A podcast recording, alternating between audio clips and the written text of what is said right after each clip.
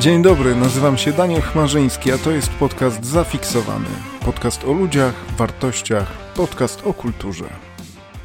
Dzień dobry, witam Państwa bardzo serdecznie w kolejnym odcinku naszego podcastu Zafiksowany.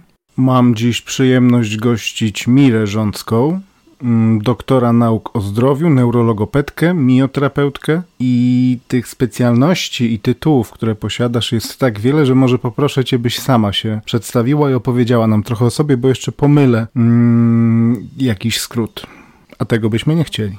Ale gdzie moje maniery? Przede wszystkim dzień dobry. Dzień dobry.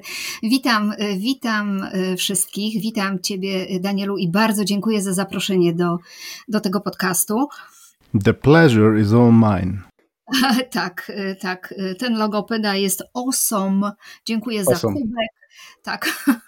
Również cała przyjemność po mojej stronie. Y, tak, to był, to był niezwykle, niezwykle mm, fajny element dzisiaj w moim dniu. Co mogę o sobie powiedzieć? Jestem neurologopedą. W, we wrześniu tego roku obeszłam 30-lecie swojej pracy zawodowej. Mm, gratulacje. Dziękuję bardzo. Mam nadzieję, że jeszcze drugie tyle przede mną, przynajmniej w charakterze wykładowcy.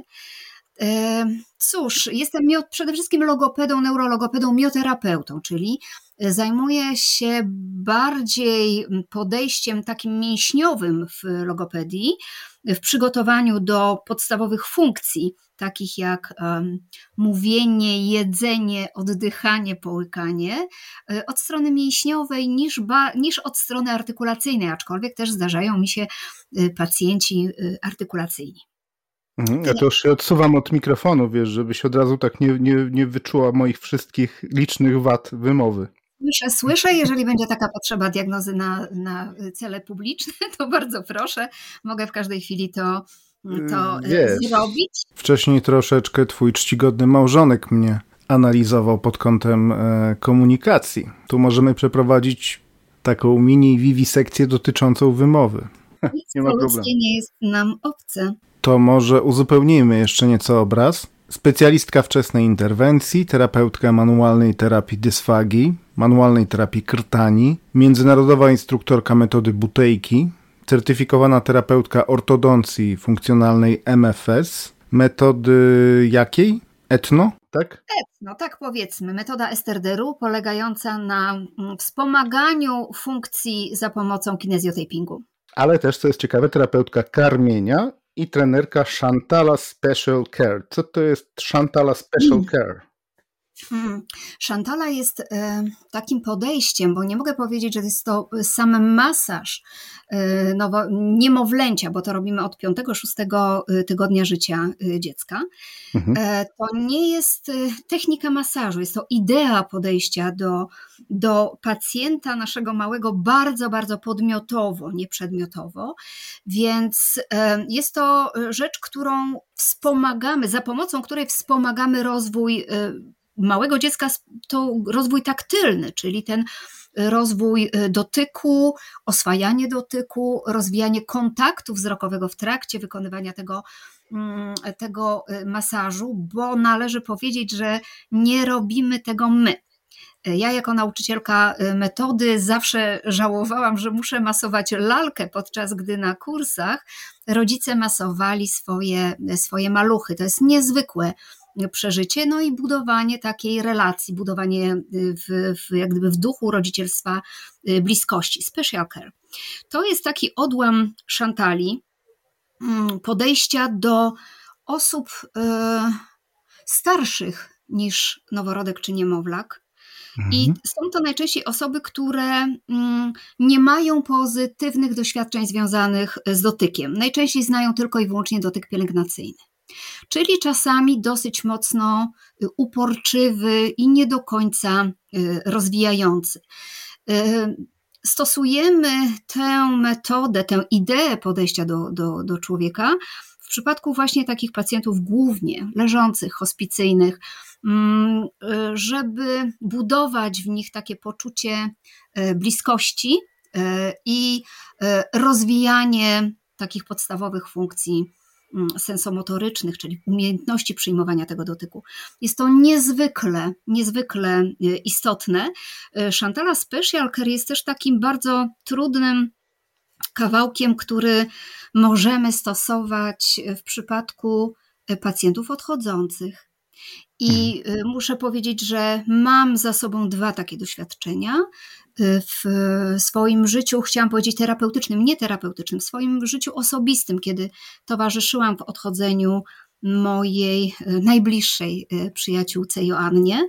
I powiem, że to, że miałam w swoim zasięgu taką metodę, taką technikę, pozwoliło mi się znaleźć e, w tym emocjonalnie. Jest to niezwykle, niezwykle. Mm, ważne e, podejście w przypadku osób chorych. I takie naczelne motto e, tej, tego odłamu szantali to, jest, to są słowa: Jesteś taki, jaki jesteś, i taki jesteś dobry. Nie poprawiamy pacjenta, akceptujemy go takiego, jakim jest, i dajemy mu no, tę radość z przyjęcia dotyku. Czyli zaakceptowałabyś mnie z moim seplenieniem, świszczeniem i reraniem, bo znalazłem to słowo, którego szukałem. Reranie. Reranie, to tak już się nie używa tego sformułowania. Reranie, raczej mówimy rotacyzm, bo reranie Aha. to jest takie, wiesz... E, wytłumaczmy może słuchaczom, o co chodzi. Mhm. E, rotacyzm, czyli nieprawidłowa realizacja głoski r E, mhm. Bardzo często y, pacjenci albo rodzice mówią litery R, a my wiemy, że literę, literę mm, piszemy, e, głoskę mówimy, więc głoski, mhm. Y, głoski R. Mm, I y, no, nie jesteś jedyną osobą, jesteś w bardzo wybitnym gronie. Mhm. Jak sobie posłuchamy, mm, któż tam, Nina Terentiew, mhm. Nie, nie, nie, przepraszam, bo, bo nie, nie, nie, bo ja wymawiam wyraźnie R, tak? Nie mówię ry, mhm. nie mówię tego ry. E, odłamów, jak gdyby e, rodzajów rotacyzmu jest wiele. Mamy rotacyzm niewibracyjny, e, czyli na przykład język nie wpada w tę specyficzną wibrację i nie robi tego rr długiego i myślę sobie, że tu u ciebie może być problem z mhm. takim trochę za krótką y, y, realizacją wibracyjną. A, rzeczywiście, no. no, no. Okay. Natomiast Nina Terentiew ma bardzo specyficzny mm, rotacyzm, to się nazywa rotacyzm właściwy. Ona mówi ryba i rower i redaktor. Mhm. I mamy też inne rodzaje rotacyzmów, na przykład Kaja. Ona ma mhm. ry krótkie, przyzębowe, zresztą tak jak mm. głoskę l, bo jak ona śpiewa, to śpiewa la la la, mhm. E, tak? Czyli i ry ma krótkie, takie, że... Supermanem tyle oko.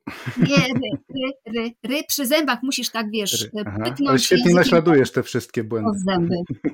Logopeda musi umieć to robić, żeby zobaczyć, gdzie jest problem, czego nie robi zespół mięśniowy języka, mhm a co przewiduje norma, tak? Czyli musimy no moja mieć... była też. Moja była też miała to takie ry, takie ry, niewyraźne ry. A to jest ry, to, które ty mówisz, to jest takie y, w stronę trochę niemieckiego. Takie francuskie się uważa, że to jest takie... Fran... Francuskie jest z dużą wibracją.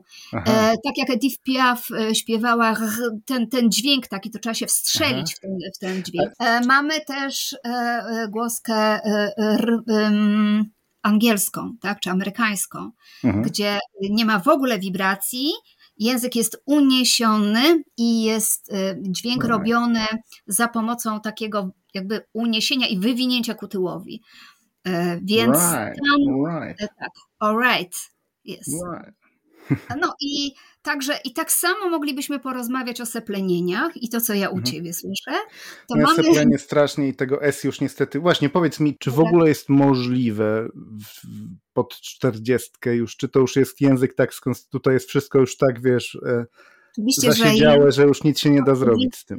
Oczywiście, że jest możliwe i mam bardzo sporą grupę pacjentów dorosłych, y, radiowców mhm. również, którzy y, szlifują i poprawiają y, swoje rzeczy dykcyjne, ale również niwelują, niwelują wadę wymowy. Jest możliwe, mhm. aczkolwiek dosyć trudne do zautomatyzowania. Ale Aha. jeżeli człowiek ma w sobie dużo samozaparcia i dobierzemy odpowiedni zestaw ćwiczeń motorycznych, bo przecież mhm. jeżeli czegoś nie realizujemy prawidłowo, to musimy pamiętać, że za, za realizację tych dźwięków odpowiada zespół nerwowo-mięśniowy, prawda? Czyli mhm. język nie układa się tak, jakbyśmy sobie tego y, życzyli tak, jak życzy sobie tego norma fonetyczna. No i wówczas należy dobrać, popatrzeć, zrobić diagnozę, no i dobrać takie ćwiczenia dla pacjenta, które spowodują y, inną pracę języka, wywołujemy mm, prawidłową głoskę, no i oczywiście tu największy jest zawsze problem, automatyzacja, czyli ta adaptacja adaptacja w życiu, w życiu codziennym. I to jest chyba najtrudniejszy problem, bo mhm. jeżeli my wiemy co i jak, to, to wywołać dany dźwięk prawidłowo nie jest to taka aż wielka i, i ciężka praca. Niemniej jednak zautomatyzowanie to jest chyba najtrudniejszy kawałek i on już należy do, leży po stronie pacjenta, który no, musi mieć w sobie dużo samozaparcia, żeby to przepracować. Co ciekawe, mam brata dwa lata młodszego i on w dzieciństwie, jak byliśmy mali, ja tak, no słyszysz jak seplenie. Seplenie także w miarę da się to, ale on zupełnie już tak wiesz, jajco zupełnie seplenił tak całkowicie.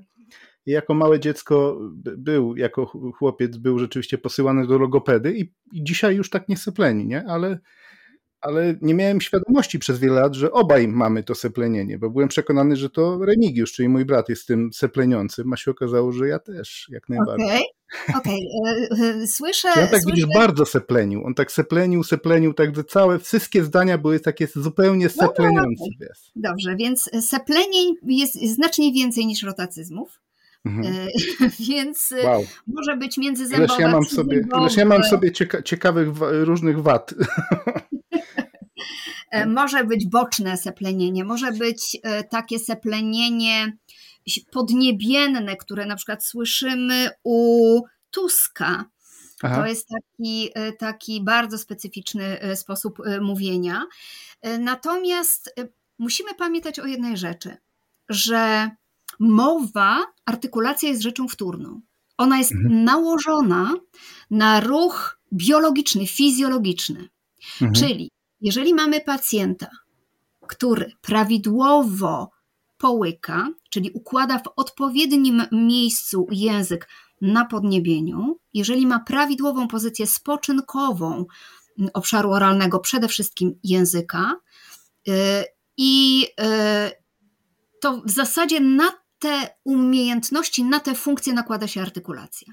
Tak, bo nie mhm. ma innego zespołu nerwowo-mięśniowego do Mm, mówienia, jak ten, który jest do funkcji fizjologicznych, między innymi do jedzenia.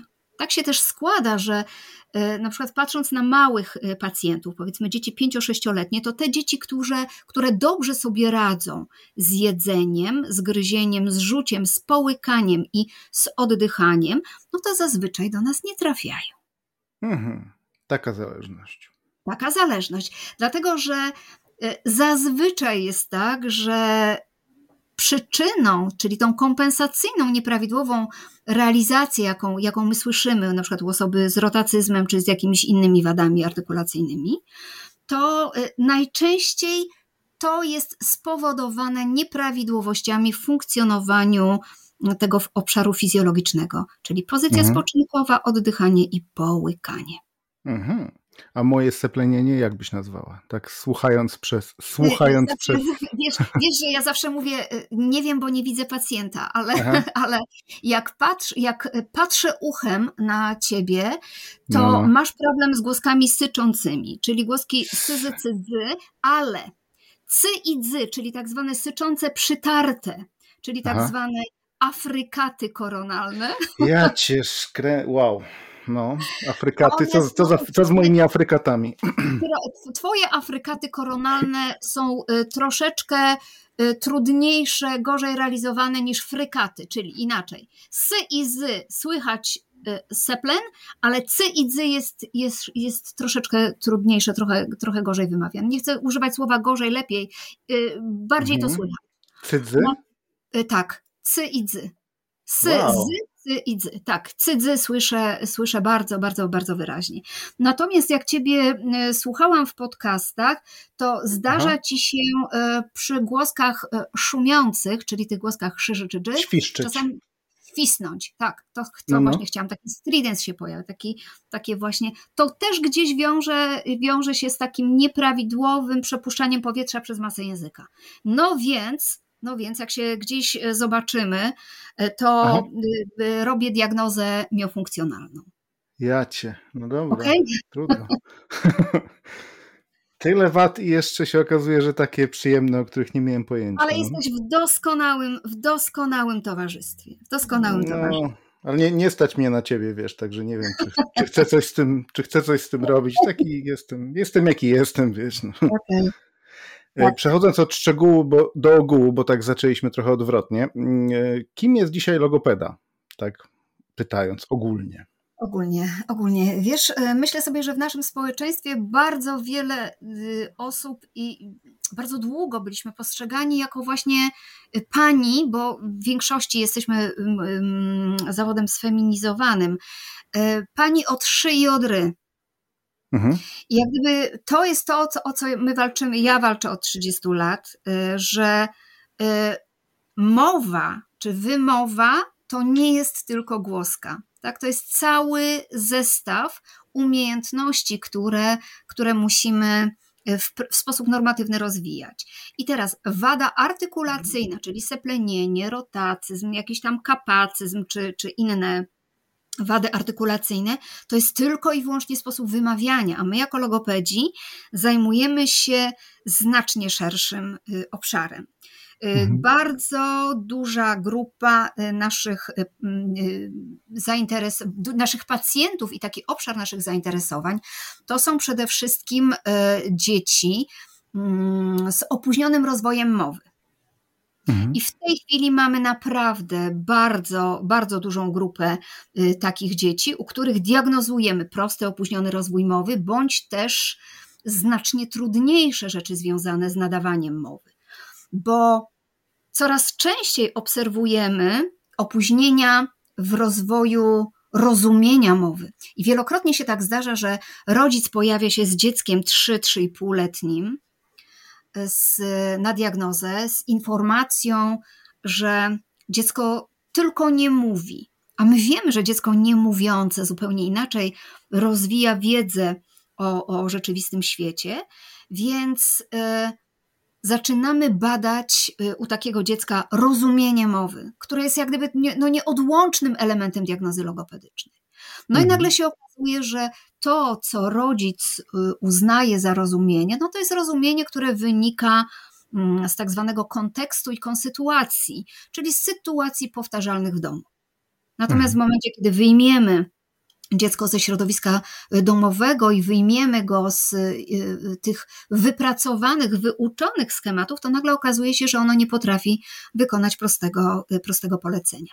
Czyli mamy opóźnienia, globalne opóźnienia rozwoju mowy, które się zdarzają w takich problemach jak w zaburzeniach takich komunikacyjnych jak autyzm, czy dysfazja rozwojowa, czy, ta, czy, czy inaczej zwana afazją wczesnodziecięcą. Więc mhm. tych obszarów w przypadku dzieci jest ogrom. Też musimy pamiętać, że my jako logopedzi pracujemy mm, jako prawie że jako pierwsi specjaliści z dziećmi, które przejawiają, u których mm, stwierdzamy problem związany z genetyką, czyli mamy dzieci z tak zwanymi wyzwaniami e, rozwojowymi, wady genetyczne, różnego rodzaju zespoły, gdzie e, trisomia 21, czyli zespół Downa wydaje się mhm. być no prostym, prostym problemem w porównaniu na przykład z zespołem Trechera Collinsa czy z jakimiś innymi znacznie, znacznie głębszymi. Oczywiście każda wada jest, czy każdy problem genetyczny jest niezwykle mm, mm, przeżywany przez rodzica i naszym zadaniem jest wesprzeć y, nie dość, że małego pacjenta, to jeszcze rodzica. Ja to nazywam zawsze taką zasadą maski tlenowej w samolocie, czyli mhm. najpierw kompetencja rodzica, kompetencja i świadomość e, osoby dorosłej, po co to robimy, jak to robimy, dlaczego to robimy, jaki będziemy mieć efekt, do czego dążymy, jaka jest gradacja tego naszego postępowania, czyli jaki jest program terapeutyczny. Kolejną taką bardzo, ogrom, bardzo ogromną grupą e, są e, pacjenci e, z różnego rodzaju uszkodzeniami mm, w wieku dorosłym, czyli mamy mhm. afazję, czyli utrata zaburzenia mowy w wyniku incydentów mózgowych. Może być udar niedokrwienny, krwotoczny. Krzysztof Globisz jest takim. Mm, mm, Bruce Willis też. Tak, Bruce, tak, ostatnio Bruce Willis, ale też e, Emilia Clarke czy, czy e, Kirk Douglas byli dotknięci o. E, podobnymi problemami związanymi z tętniakami. W przypadku Emily Clark to była chyba trzykrotna operacja usuwania tętniaków. Sharon Stone tak samo, mhm. tętniaki. I też trzy lata walczyła o gdyby powrót do normalności w komunikacji werbalnej. Czyli mhm. mamy również zaburzenia związane z zaburzeniami połykania, które często towarzyszą innym problemom, takim jak na przykład stwardnienie rozsiane czy, czy inne choroby neurodegeneracyjne. E, mamy też taką grupę pacjentów z niepłynnością mowy, czyli z jąkaniem. Tak? I tutaj mhm. też e, grupa, grupa osób e, jąkających się jest bardzo, bardzo zacna. Mhm. Więc to jest, to jest tych grup jest bardzo dużo. Mamy też zaburzenia jedzenia u dzieci, które mm, bardzo się nasilają w dzisiejszym czasie. Mamy dużo rozpoznań y, neofobii y, albo takiego zespołu, który jest troszeczkę trudniejszą rzeczą niż neofobia pokarmowa, czyli odrzucenie określonego rodzaju pokarmu. Y, zespół ARFID. Więc tutaj naprawdę dochodzę do wniosku, że patrząc na to, jak się rozwijamy jako społeczeństwo, jako ludzkość, mm. to wiemy, że mam pewność stuprocentową, że nam pracy nigdy nie, nie zabraknie. Niestety. Chociaż mhm. najczęstszą y, przypadłością, z którą mamy do, do czynienia, jest dysfunkcyjność w obszarze oralnym. Czyli no właśnie od... miałem pytać, jakie są najczęstsze problemy w logopedii? Mhm. Wiesz, y, każdy z nas y, idzie gdzieś swoją, swoją ścieżką. Ja patrzę na swoich studentów, których wykształciłam jako, jako wykładowca i jako praktyk, jako teoretyk, naprawdę setki. Jak każdy z nich wybiera sobie właściwą drogę i wybiera sobie, specjalizuje się w jakimś obszarze. Tak? Czyli mhm. na przykład surdologopedia, czyli praca z osobami niedosłyszącymi czy niesłyszącymi, czy właśnie niepłynność mowy, e, czy różne, czy mutyzm, tak? Mutyzm, mutyzm wybior, wybiórczy, czy autyzm. Natomiast e, powiem, że to, co ja e, widzę w przypadku noworodków i niemowląt, zaburzenia przyjmowania pokarmu, czyli problemy związane ze ssaniem. Hmm. I w późniejszym, drugą grupą, taką największą grupą pacjentów, to są e, pacjenci z opóźnionym rozwojem mowy. Ma dzieci powiedzmy między półtora roku a czwartym rokiem życia. Potem to są wady artykulacyjne, i, I, jest cała duża grupa logopedów, którzy się specjalizują tylko i wyłącznie w pracy y, z pacjentami, mm, właśnie z y, seplenieniami czy z rotacyzmami. I chwała Bogu, bo, bo no nie można też robić, robić wszystkiego. Ale jest taki jeden obszar, który jest największym problemem współczesnej logopedii. Czy raczej nie? Czy raczej tak jak powiedziałaś, to się rozwarstwia na różne Wiesz, rozwarstwia się, ale im dłużej pracuję, tym, y, tym bardziej dostrzegam y, ten problem, który wiąże się z zaburzeniami funkcji oralnych, czyli właśnie to, czym się zajmuje terapia miofunkcjonalna, tak? czyli czym się zajmują mioterapeuci nieprawidłowe funkcjonowanie mięśni w obszarze oralnym, czyli to, o czym już wspomniałam, nieprawidłowe mhm. oddychanie, połykanie i nieprawidłowe pozycje spoczynkowe. Dlaczego to, to jest taki. Jestem klasycznym przykładem. Okej. Okay. Zobacz, y, my wiemy, że u noworodka i, i niemowlaka język leżący na podniebieniu jest w pozycji spoczynkowej. Jest mhm. gwarantem rozwoju środkowej części twarzoczaszki. E, oddychanie, czyli opór powietrza wdychanego, wydychanego nosem, kształtuje podniebienie twarde od góry, a język od dołu. Czy to się wszystko mhm. przepięknie w normatywnej fizjologii zgrywa, zgadza się. To ja tak macam twarz, czy ona jest w miarę kształtna, okay. ale... Zadałabym sobie, zadałabym sobie takie pytanie na Twoim miejscu. E, czy oddycham Aha. ustami, czy nosem? Na co dzień. Czy w nocy oddychasz ustami, czy nosem? Nosem chyba. E, mhm. e, czy masz bezdechy senne, czy chrapiesz w nocy?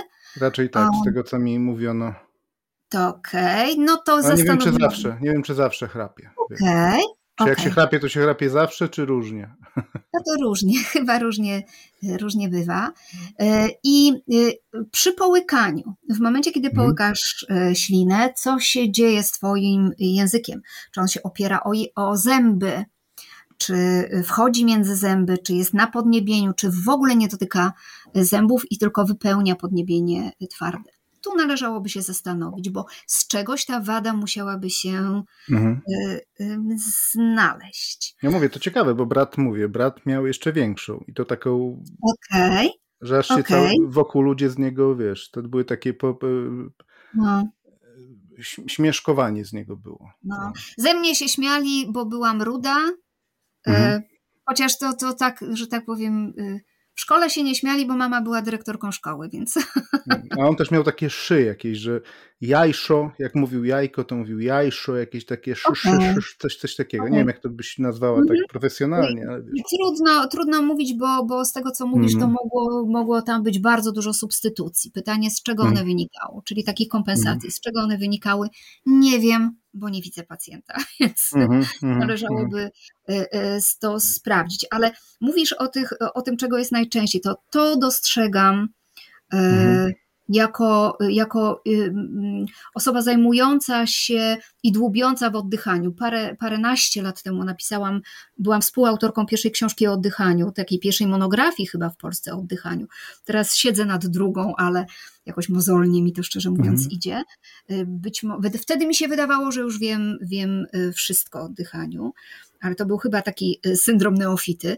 Natomiast w tej chwili przeraża mnie ilość badań mówiących o konsekwencjach nieprawidłowego e, sposobu oddychania. Pomijam wady zgryzu, ale zaburzenia funkcji poznawczych.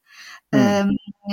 100 e, tysięcy rzeczy. W tej chwili mamy zebranych takich 32 podstawowe grupy e, zaburzeń związanych hmm. z oddychaniem torem ustnym. No ale to jest automatyzm, czy, czy można się wyuczyć nowego sposobu Oczywiście, oddychania? Oczywiście, że można się wyuczyć. No słuchaj, ale jak to jest? No jeżeli nauczysz się nawet oddychać, przepraszam, że ci znowu po chamsku przerywam, jeśli nauczysz się oddychać nawet powiedzmy świadomie, to potem nie jest tak, że jak zasypiasz, to wracają twoje dawne nawyki oddychaniowe? No wiesz, nawyki nawykami. Pytanie, czy twoje mięśnie, e, które muszą utrzymać żuchwę we właściwej pozycji, mhm. w okolicach szczęki. E, czy, czyli czy twoje mięśnie, żwacz skrzydłowy, przyśrodkowy, skrzydłowy boczny są w stanie utrzymać tę prawidłową pozycję żuchwy? To jest jedno pytanie. No, Drugie, co się dzieje z mięśniem okrężnym ust, czyli warga górna, warga dolna?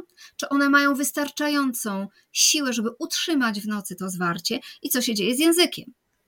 Bo oddychanie nie może być wymuszone. Ono oczywiście w przypadku, kiedy zaczynamy pracować, ono jest takie, no nie chcę użyć znów słowa wymuszone, ale jest takie no, wypracowane, ale wysiłek oddechowy y, nie może pozbawiać y, y, nas całej, całej energii i, i siły. Dlatego musimy mieć bardzo dobry trening mięśniowy, żeby podjąć ten wysiłek. Nie wystarczy zamknąć usta. Jest taka mhm. fajna książka Patrick McEwen, który prowadzi właśnie szkolenia instruktorskie tej metody, metody butejki. Napisał taką książkę Kto ma nosa do zdrowia i drugą książkę Zamknij usta i oczywiście jeszcze parę innych książek, które są niezwykle. Myślę, że każdy, każdy człowiek powinien to przeczytać, chociaż największym hitem jest James Nestor i Oddech.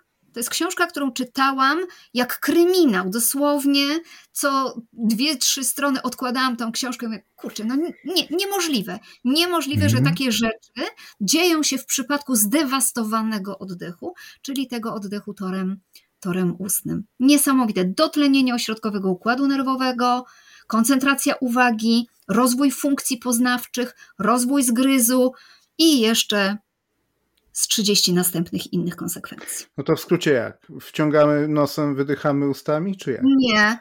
Oddech fizjologiczny jest wdech nosem, wydech nosem. Oczywiście. W... A, no to ja dobrze oddycham, bo ja cały czas w większości nosem oddycham. Mhm. W większości. Znaczy mam zamknięte cały czas usta raczej. Mhm. Okej. Okay. Mhm. Pamiętajmy, że oddech mowny, a oddech fizjologiczny to są różne rzeczy. To czy wiesz, nie, nie mam tak, że mam jak niektórzy, że mają ciągle półotwarte usta i na przykład... Tak zwany inteligentny wyraz twarzy, tak, przepraszam. Tak, nie, ja raczej mam zawsze ale... je zamknięte. Nie zaciśnięte, tylko po prostu zamknięte, nie? Ale jak popatrzysz na, na dzieci, e, e, już pomijam te dzieci smoczkowe, które, nie wiem, mają tak zwane niekontrolowane podawanie smoka, jeden smoczek przypięty e, do, do kurteczki, drugi w kieszeni, trzeci w wózku, a, a czwarty mama ma w torebce, mhm. E, na wszelki wypadek, więc e, to zobaczysz, e, co się dzieje po wyjęciu tego, tego smoczka i jak wyglądają, wygląda twarz, twarz tego dziecka. Mhm. Więc wchodząc do jakiejkolwiek, moje były studentki zrobiły, zrobiły doskonałe badania we Wrocławiu i prowadziły taki program w, Lub, w Lubinie w województwie dolnośląskim. Moja córka Dotyczy... teraz mieszka w Lubinie właśnie. O, cudownie no to mhm. być może trafiła na program y, y, moich, moich dziewczyn, Natalii Dul i Kasi y, Miałkowskiej. E, mhm. I to 13 są... lat skończyła właśnie w lipcu, okay. niedawno. Mhm. Okej, okay. piękny, piękny wiek, 13 lat, wow. Mhm. A, się rozmarzyłam. E, no i co? No i. i um... Lubinie, w Lubinie, nie w Lublinie, tylko w Lubinie, tak, tak. Tak, tak, tak. Mhm. tak. W Lubinie, a nie w Lubiniu. E, czyli powiem, najczęstszą przyczyną tych wad artykulacyjnych, czyli seplenienia i, i tych wszystkich takich rzeczy, no są jakieś dysfunkcje w obszarze e, e, mięśniowym, zgryzowym. Mhm.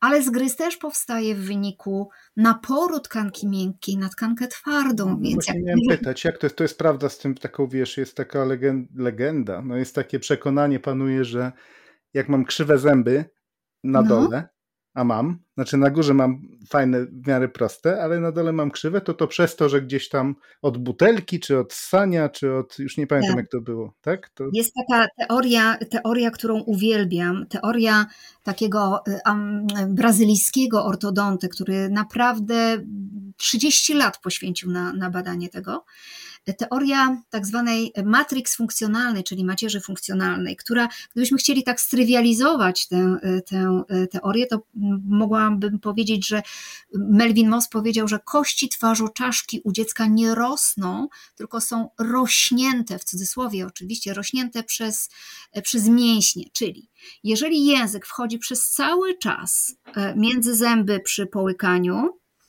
albo przy mhm. smoczku, no to będziemy mieć wadę zgryzu, zgryz otwarty.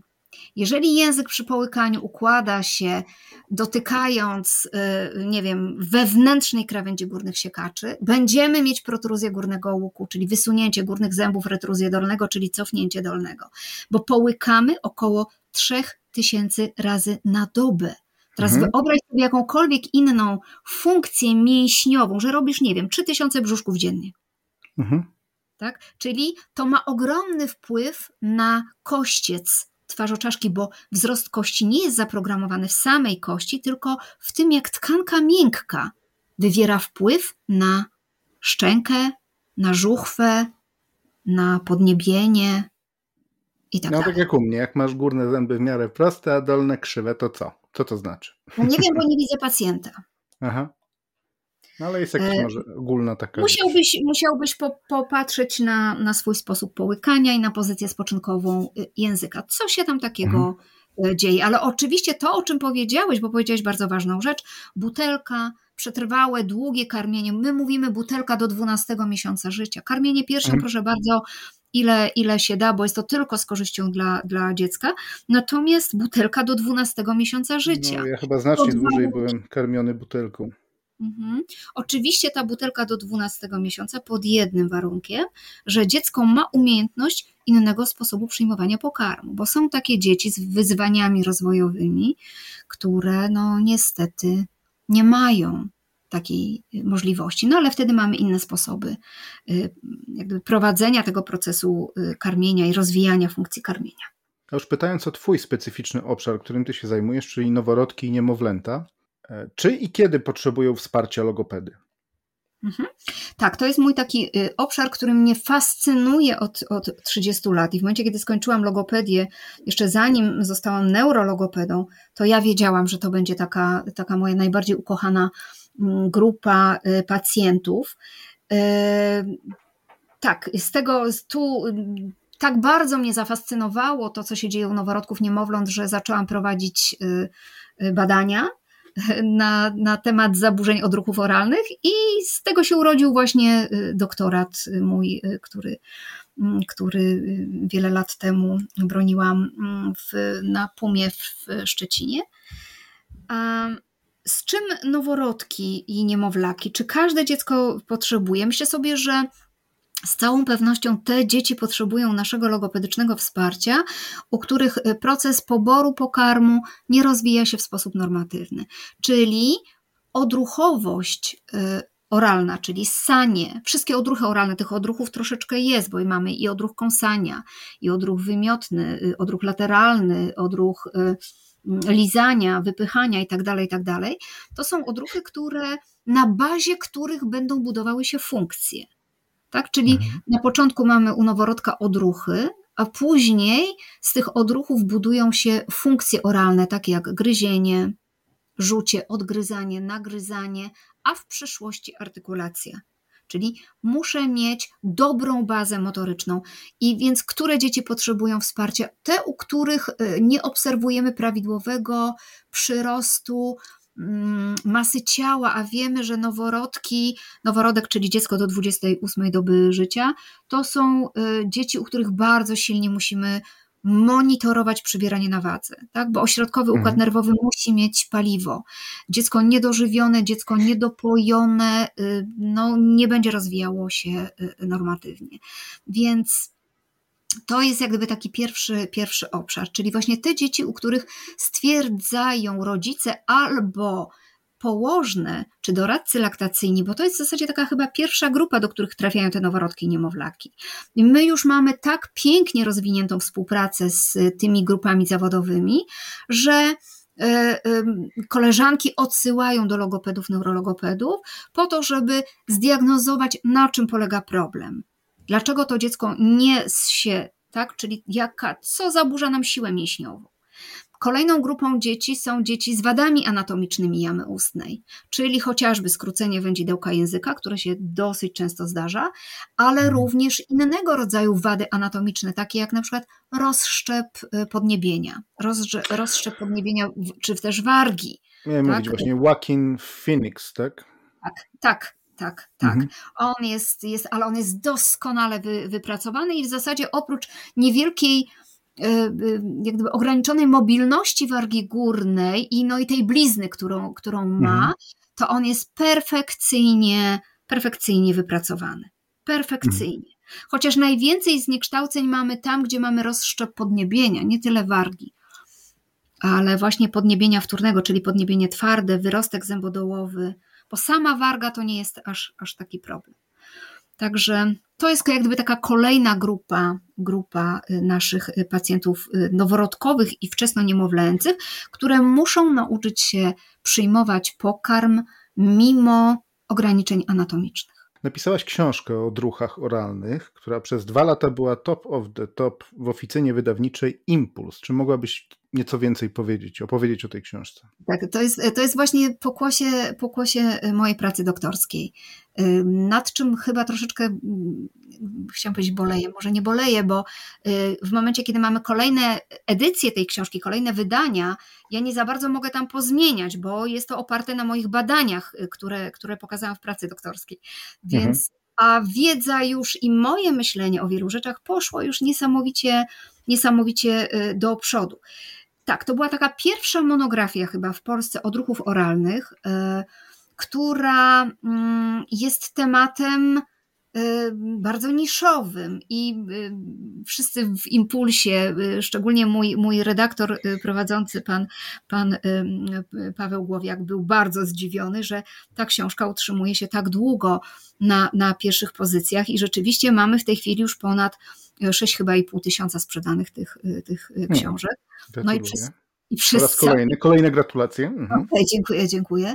Y, I przez cały czas ta książka y, jest, jest, y, że tak powiem, dodrukowywana, co mnie niezwykle cieszy, bo nie było w Polsce takiego opracowania odruchów oralnych, czy jakieś były krótkie artykuły, ale brakowało czegoś, co by zebrało całość tej wiedzy o odruchach, zarówno w tym tak zwanym obszarze, który się nazywa problem w literaturze, e, jak mhm. i w badaniach takich e, praktycznych. Także w moich badaniach wyszło mi, że chyba najbardziej zaburzonym odruchem jest odruch rzeczywiście ssania, połączony z połykaniem, natomiast inne odruchy, tak jak odruch wymiotny czy odruch kąsania, są zaburzone, ale już nie tak, nie tak często, z całą pewnością nie stanowią problemu y, takiego globalnego. Niemniej jednak y, zawsze stanowią problem dla mamy karmiącej. Mhm. To jaki nosi tytuł ta publikacja? Co byśmy mogli się z nią mhm. wszyscy zapoznać? Odruchy oralne y, u noworodków i niemowląt, diagnoza i stymulacja. Muszę powiedzieć tak anegdotycznie, że w momencie, kiedy książka miała się nazywać tylko i wyłącznie odruchy oralne, Mhm. Ponoć redakcja, redakcja bardzo się śmiała, więc musiałam dodać u noworodków i niemowląt. Lepiej by się sprzedawała chyba wtedy, wiesz. kto, wie, kto wie. Skąd się biorą wady wymowy w ogóle? To, moje, to od seplenienia, świszczenia, ryrania i y, pora relaksu i od wszystkiego innego. Wiesz, to chyba właśnie z tego, co, y, co powiedziałam y, wcześniej, że mamy kiepsko funkcjonujące mięśnie. Dzieci hmm. dzisiaj nie jedzą, nie gryzą, nie żują, jedzą papki, E, jedzą mhm. wyciskane pokarmy stópki bądź też e, ze słoiczków i naprawdę e, zdarzają nam się dzieci 3,5-letnie, 4-letnie, które w ogóle nie gryzą. To nie jest, to nie jest żart, nie mówiąc o rzuciu, bo to są dwie różne funkcje. Mhm. Natomiast gryzienie, no to gryzę, tak, marchewkę, jabłko i tak dalej. Natomiast żuję to, czego nie jestem w stanie pogryźć, czyli na przykład włókna mięsa, mhm. mango suszone, jakieś inne rzeczy. O, miogryzie, to jest ja wszystkim polecam miogryzie. Jak się wejdzie na taką stronę www.miogryzie.pl, to są moje koleżanki logopedki, które wymyśliły takie przepyszne, Jezu, jakie to jest dobre, y, taką jakby pulpę jabłkową suszy się w takich y, płatach i zwija się to w rolki. I one mm. są zupełnie naturalne, e, dosmaczane są e, sokiem truskawkowym, bananowym, też jest kakao, tam więc mamy smak czekoladowy. Ostatnio pojawił się burakowy i szpinakowy. Jakie to jest dobre, więc jak zazwyczaj mm. zamawiam e, i dostaję od miogryzi e, przesyłkę, to muszę powiedzieć, że czasami nie zdążę dowieść do gabinetu, potrafię hmm. sama wciągnąć po drodze, bo jest to przepyszne, no i zdrowe przede wszystkim. Więc y, to Audycja jest... Audycja y, zawiera lokowanie produktu, ale myślę, że warto, warto. Miogryzie, tak? Warto, bo to służy... Drogie panie z Miogryzie, proszę wziąć pod uwagę, że ja tutaj się zgadzam i również reklamuję, także proszę mi tam coś odpalić z tej Dobra. garzy. będę, będę, y, będę rozmawiać w tej sprawie wszystko to, co y, to lokowanie, powiedziałeś lokowanie produktów, wszystko to co, to, co my wymyślamy fajnego do jedzenia, czy do stymulacji, no to przecież nie chowamy tego do szuflady, to jest po to, mm. żeby się dzielić i po to, żeby wszyscy na tym korzystali, a my wiemy, że w dzisiejszym, w dzisiejszym świecie Zresztą o tym pisał James Nestor, że w ciągu y, kilkuset lat zmieniliśmy rysy twarzoczaszki y, poprzez ograniczanie funkcji, takich jak mhm. rzucie i gryzienie. Więc y, to jest jak gdyby odpowiedź na pytanie, z czego się biorą wady, wady wymowy. Bardzo często biorą się z tego, ale czasami biorą się z wady słuchu, z ograniczonego mm, z ograniczonego y, poziomu słyszenia, tak? czyli mhm. mamy do czynienia z niedosłuchem. Czasami jest to czynnościowy, czasami jest to trwałe uszkodzenie słuchu. Czasami ten niedosłuch czynnościowy może być y, wywołany obrzękiem trąbki słuchowej, i tu znów wracamy do oddychania mhm. i do smoczków, i do migdałków podniebiennych, bo wiemy, że ktoś, kto oddycha, dziecko, które oddycha ustami po jakimś czasie, będzie miało przerośnięte migdałki, ponieważ nie ma, nie ma tego naturalnego filtra, jakim jest nos. Nos to jest ogrzanie, nawilżenie i oczyszczenie wdychanego mm, powietrza. Więc. Mhm prze, jakby przekierowanie tego, tego powietrza, które wciągamy do organizmu na tak zwany pierścień Waldejera, czyli ten pierścień tkanki chłonnej wartowniczej, no powoduje po jakimś czasie powiększenie, zainfekowanie y, migdałków. Więc y, jeżeli migdałki są powiększone, y, mówimy o migdałkach podniebiennych, nie o migdałku gardłowym, no to będzie wywierał ucisk na, na trąbkę słuchową, tak? czyli na wejście do, do trąbki Eustachiusza, czyli będziemy mieć problem związany z niedosłuchem czynnościowym, który najczęściej ustępuje po przeleczeniu migdałków albo mhm. po ich usunięciu. To już jest ostateczna ostateczność. No Ale no właśnie, tak... bo często ludzie mają, często, wiesz, może ja tak słyszę wokół, że były te migdałki usuwane. Ja na przykład nie miałem nigdy usuwanych. Od czego to też zależy? Wiesz, nie wiem, nigdy nie miałem powiększonych, usuwanych, nie pamiętam, żebym się męczył z migdałkami. Mam 39 lat i jakoś te migdałki tam sobie istnieją spokojnie. Okej, okay. no migdałki są potrzebne w organizmie, także w naszym mhm. organizmie nie Ale ma wiesz, rzeczy. Jak ciągle słucham o tym, że ten miał wycinany, tamta miała wycinane i tak ludzie mają wycina, wycinane te migdałki, a ja bez wiedzy, wiesz, nie mając żadnej wiedzy, jakby tak się zastanawiam, o co chodzi? Czy to jest jakiś naturalny proces z tymi migdałkami? Może ty mi wytłumaczysz w końcu. E, wiesz co, pojawiły się takie badania, które mówią o dziedziczeniu, że jest jakiś procent Y, osób, które dziedziczą y, przerost migdałków y, podniebiennych i w PubMedach są już, w PubMedzie jest już parę artykułów na ten temat. Mhm. Natomiast, natomiast no migdał, przerost migdałków podniebiennych najczęściej wiąże się z stałym zainfekowaniem tego obszaru. Tak? Czyli mhm. one przestają pełnić e, rolę wartowniczą e, w organizmie, a stają się siedliskiem, e, siedliskiem infekcji. Więc stan zapalny migdałków podniebiennych, który bardzo często kończy się anginą, no doprowadza do ich stałego przerostu. Czasami się udaje je u obkurczyć za pomocą mhm. Y, no, leków, y, czy, czy sterydowych, czy niesterydowych, czy homeopatycznych. To już zależy od, od lekarza prowadzącego, ale czasami się nie udaje.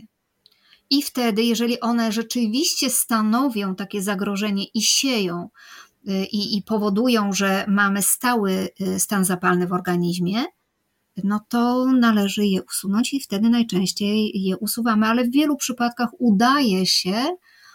Te migdałki obkurczyć, ale również muszę powiedzieć, że tu ogromną rolę wpływa właśnie ten sposób oddychania. Czyli ja miałem też anginy. Miałem anginy jako nastolatek, śpiewałem w różnych zespołach, jakichś chórach, nie chórach i niestety pewnie źle śpiewałem, bo tu nie miałem opanowanej tej, wiesz, tej przepony i tak dalej. I, I ciągle miałem właśnie te, może nie ciągle, ale miałem często anginy, jakieś właśnie zapalenia gardła ale nigdy nie poskutkowało to wycinaniem niczego. Także. Mogło się to też wiązać z przebywaniem w grupie rówieśniczej, bo zobacz, jak bardzo, mm. bardzo dużo łapiemy y, y, od, od osób y, towarzyszących, współtowarzyszących. Anginy ropne, nieropne, wiesz, różne rzeczy, ale nigdy nie, te migdałki były bezpieczne. Także. Mhm, mhm. Chwała Bogu. Aha. E, osoby publiczne. Już mówiliśmy trochę tutaj, wspominaliśmy. E, alogopedia, wady wymowy, afazja, jakieś przykłady jeszcze, których nie wymieniliśmy do tej pory. Mhm. No co, jąkanie, tak? Jąkanie. Mhm. To jest taka bardzo, bardzo zauważalna e, wada mowy, nie wymowy bo wady wymowy mhm. to są wady nieprawidłowego sposobu wymawiania głosek. Natomiast y, jest to zaburzenie mowy, takie, jakie obserwujemy no, chociażby u, u jednego z panów Golców. Ale też Adam Michnik na przykład.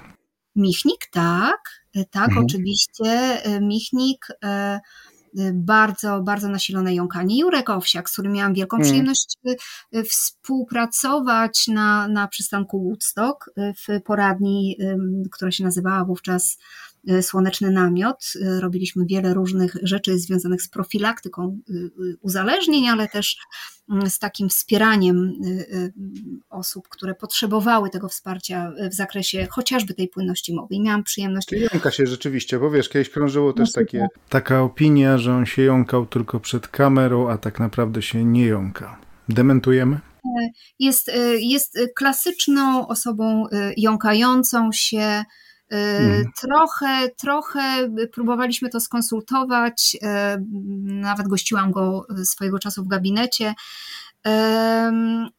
i po, bardzo poprawił swój, swój sposób mówienia, bo jak posłuchamy go sprzed kilkunastu lat, a posłuchamy go teraz, to rzeczywiście ten sposób mówienia jest, jest już zupełnie, zupełnie inny. Tak, powiedziałeś o Adamie Michniku, ale popatrz, nie wiem, czy znasz taką, taką tak, Scatmana, tak? No tak, no tak, tak. W latach 90. zmarł, ale to był Hitcher, tak. I'm the Scatman. Tak, tak. i powiem, że y, słyszałam raz jego wypowiedź taką, y, taką publiczną, no i to było niesamowicie trudne dla mnie do, do słuchania, bo on bardzo mhm. silnie, mhm. bardzo silnie się jąkał. E, Samuel Jackson e, również e, miał Ale takie epizody jąkania. Jackson tam sepleni dość mocno, nie? Też ale nie tak jak Christian Bale. O, to Bale'a nie znam z tej strony. Bale I to, się nie mieści, to się nie mieści w, że tak powiem, e, ani amerykańskiej, ani angielskiej artykulacji, wow. bo, bo, rzeczywiście ma, e, ma e, dużą, dużą... Ale mówisz teraz, przepraszam, o oseplenieniu czy o jąkaniu? O seplenieniu. On, on mamy takiego sepleniącego Batmana? Nawet nie wiedziałem. Mhm, mhm, mhm. Tak, ale ponoć jąkał się Mojżesz. Także było mhm. dużo, dużo, dużo osób, które w, w historii świata się jąkały. Mm, powiem, że w tym, z tym jąkaniem to jest też bardzo, bardzo specyficzny, y, specyficzny mm, rodzaj terapii. I popatrz na, na film Jak zostać królem. Mhm. Z genialną, tak, tak. z genialną. Colin, Colin Firth. Tak. tak, Colin i jako logopeda mm, Boże, uciekło mi teraz nazwisko, miałam go przez cały czas na końcu języka.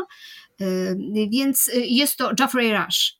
Mhm, mhm. E, to, to, co, to, do czego on doprowadził króla, księcia Alberta, później króla Jerzego VI, no to jest naprawdę szapoba, bo, bo zastosował klasyczną terapię jąkania, jaką my prowadzimy w tej chwili, czyli taką, że tak powiem, z wyjściem na zewnątrz, z oddychaniem, z mówieniem i tak.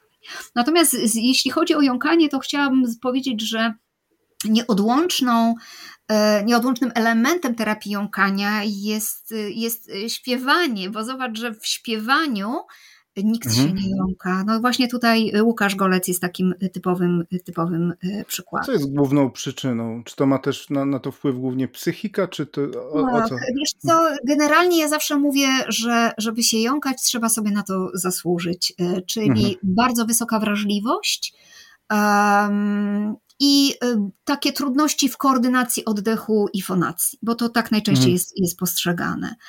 E, czyli nieprawidłowa faza, krótka faza wdechowa, krótka faza wydechowa. I to, o czym się mówi dosyć często, jąkanie e, nawykowe. U nas mamy w Polsce genialnego specjalistę, pana profesora Zbigniewa Tarkowskiego, który chyba pierwszy zaczął w Polsce wprowadzać taką, taką holistyczną terapię jąkania. No i muszę powiedzieć, że jest to jedna z najskuteczniejszych terapii, jakie, jakie znam. Więc mhm. jąkanie, na jąkanie patrzymy jako na zaburzenie płynności mowy, ale mamy też taki problem dosyć mocno zbliżony do jąkania, ale który nie jest jąkaniem. I tutaj podsunę taką postać y, Korwin-Mikke. Mhm. To nie jest jąkanie, to, to, jest, to jest coś, co nazywamy giełkotem. Giełkot, mhm. czyli trochę niepłynności mowy, ale przede wszystkim totalny chaos w porządku y, y, tym fonetycznym, ale spowodowany y, takim chaosem myślowym. Tak, czyli to jest troszeczkę inny problem niż, niż jąkanie. Mhm. Dzisiejsze zagrożenia, a rozwój mowy. Co byś powiedziała w tym obszarze? No to jest to, o czym już troszeczkę wspomniałam, czyli mm, unikanie, unikanie funkcji, które dają sprawność narządów mowy, czyli y, dzieci 3-4-letnie y, nie jedzące twardych pokarmów. Generalnie mówimy, że w ciągu dnia powinniśmy około 5-6 razy dziennie dostarczać dziecku mm, y, takich, takiego pokarmu, który będzie prowokował warunki zwarciowe, tak żeby to się wszystko rozwijało w sposób prawidłowy. No ale tak się nie dzieje. To jest jak gdyby takie zagrożenie, że odchodzimy na rzecz właśnie tych tubek, słoiczków, picia przez niekapki, picia przez y, biboksy, rurki i tak dalej. Ja zawsze to powtarzam na każdym szkoleniu i na każdym wykładzie, że się zastanawiam, jak myśmy przetrwali jako ludzkość. Bez niekapków, bez tych wszystkich y, y, akcesoriów, które są w tej chwili wymyślane do, do karmienia y, dzieci. Kolejnym bardzo poważnym zagrożeniem, na które zwracają uwagę psychiatrzy, psycholodzy, logopedzi, to są, to jest przedwczesny kontakt E, z wysokimi technologiami typu tablet, smartfon, e, telefon, e, laptop. Mamy masę opóźnień rozwojowych związanych z tym, że dziecko nie rozwija kompetencji komunikacyjnych z otoczeniem, natomiast doskonale rozwija Y, kontakt i umiejętności w operowaniu y, tymi wysokimi technologiami. I naprawdę nie należą do rzadkości dzieci trzyletnie czy trzy i półletnie, które nie mówią, ale doskonale posługują się y, smartfonem czy telefonem. Mówimy o uzależnieniu od wysokich technologii. Jest to przerażające.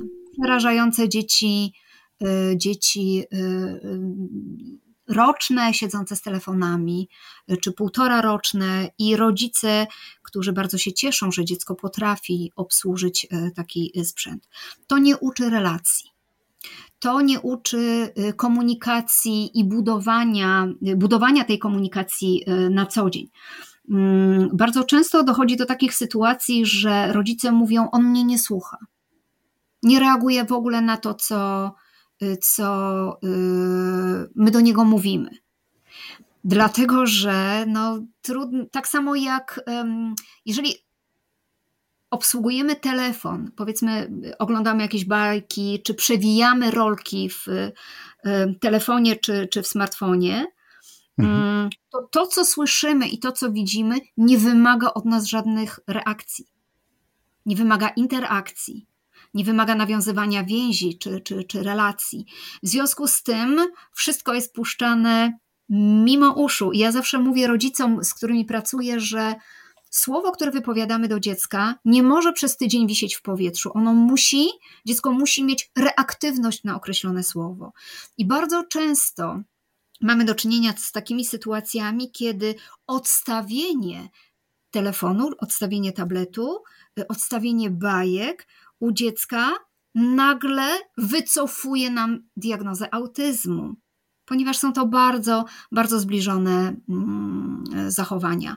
Y, naprawdę mogłabym tu opowiadać 100 y, tysięcy naprawdę drastycznych y, historii z gabinetu, gdzie mm, rodzice walczą z dzieckiem, wyrywając mu telefon z ręki, a dziecko przez cały czas domaga się tej, tej interakcji właśnie z telefonem. Tu polecam naprawdę, na YouTubie jest taki fajny wykład pani profesor Jagody Cieszyńskiej, dlaczego świnka Pepa powinna być zakazana. Dosyć, dosyć y, y, mocno wyjaśnia, y, mhm. dlaczego dzieci nie powinny do trzeciego roku życia mieć kontaktu z wysoką technologią. I jak wejdziemy sobie na taką stronę mm, psychiatriapolska.pl, to tam również znajdziemy artykuły dotyczące tego, w jaki sposób ten przedwczesny kontakt upośledza to jest jak gdyby jedna rzecz, e, a druga rzecz to jest takim zagrożeniem jest brak e, relacji. Czyli mhm. żyjemy w uśpiechu, żyjemy w galopie, nie rozmawiamy e, z dziećmi. I czasami mi się zdarza w gabinecie taka sytuacja, że sprawdzam, czy pytam rodziców, czy państwa dziecko na przykład rozumie dziecko ma 3 lata. Y, czy Państwa dziecko rozumie nazwy kształtów? Czy gdybym powiedziała, daj mi koło albo daj mi trójkąt, czy on mi to poda? A rodzic mówi, nie, ale myśmy go tego nie uczyli. Mhm. A przecież w ten sposób nabywamy mowy, y, że rozmawiamy, komunikujemy się. Więc w dzisiejszych czasach to ograniczenie komunikacji na rzecz tego pędu, na, te, na rzecz tego wyciszenia dziecka, damy mu telefon damy mu telefon do bajki, do jedzenia, damy mu bajkę do, do, do, do tego, żeby się sobą zajął.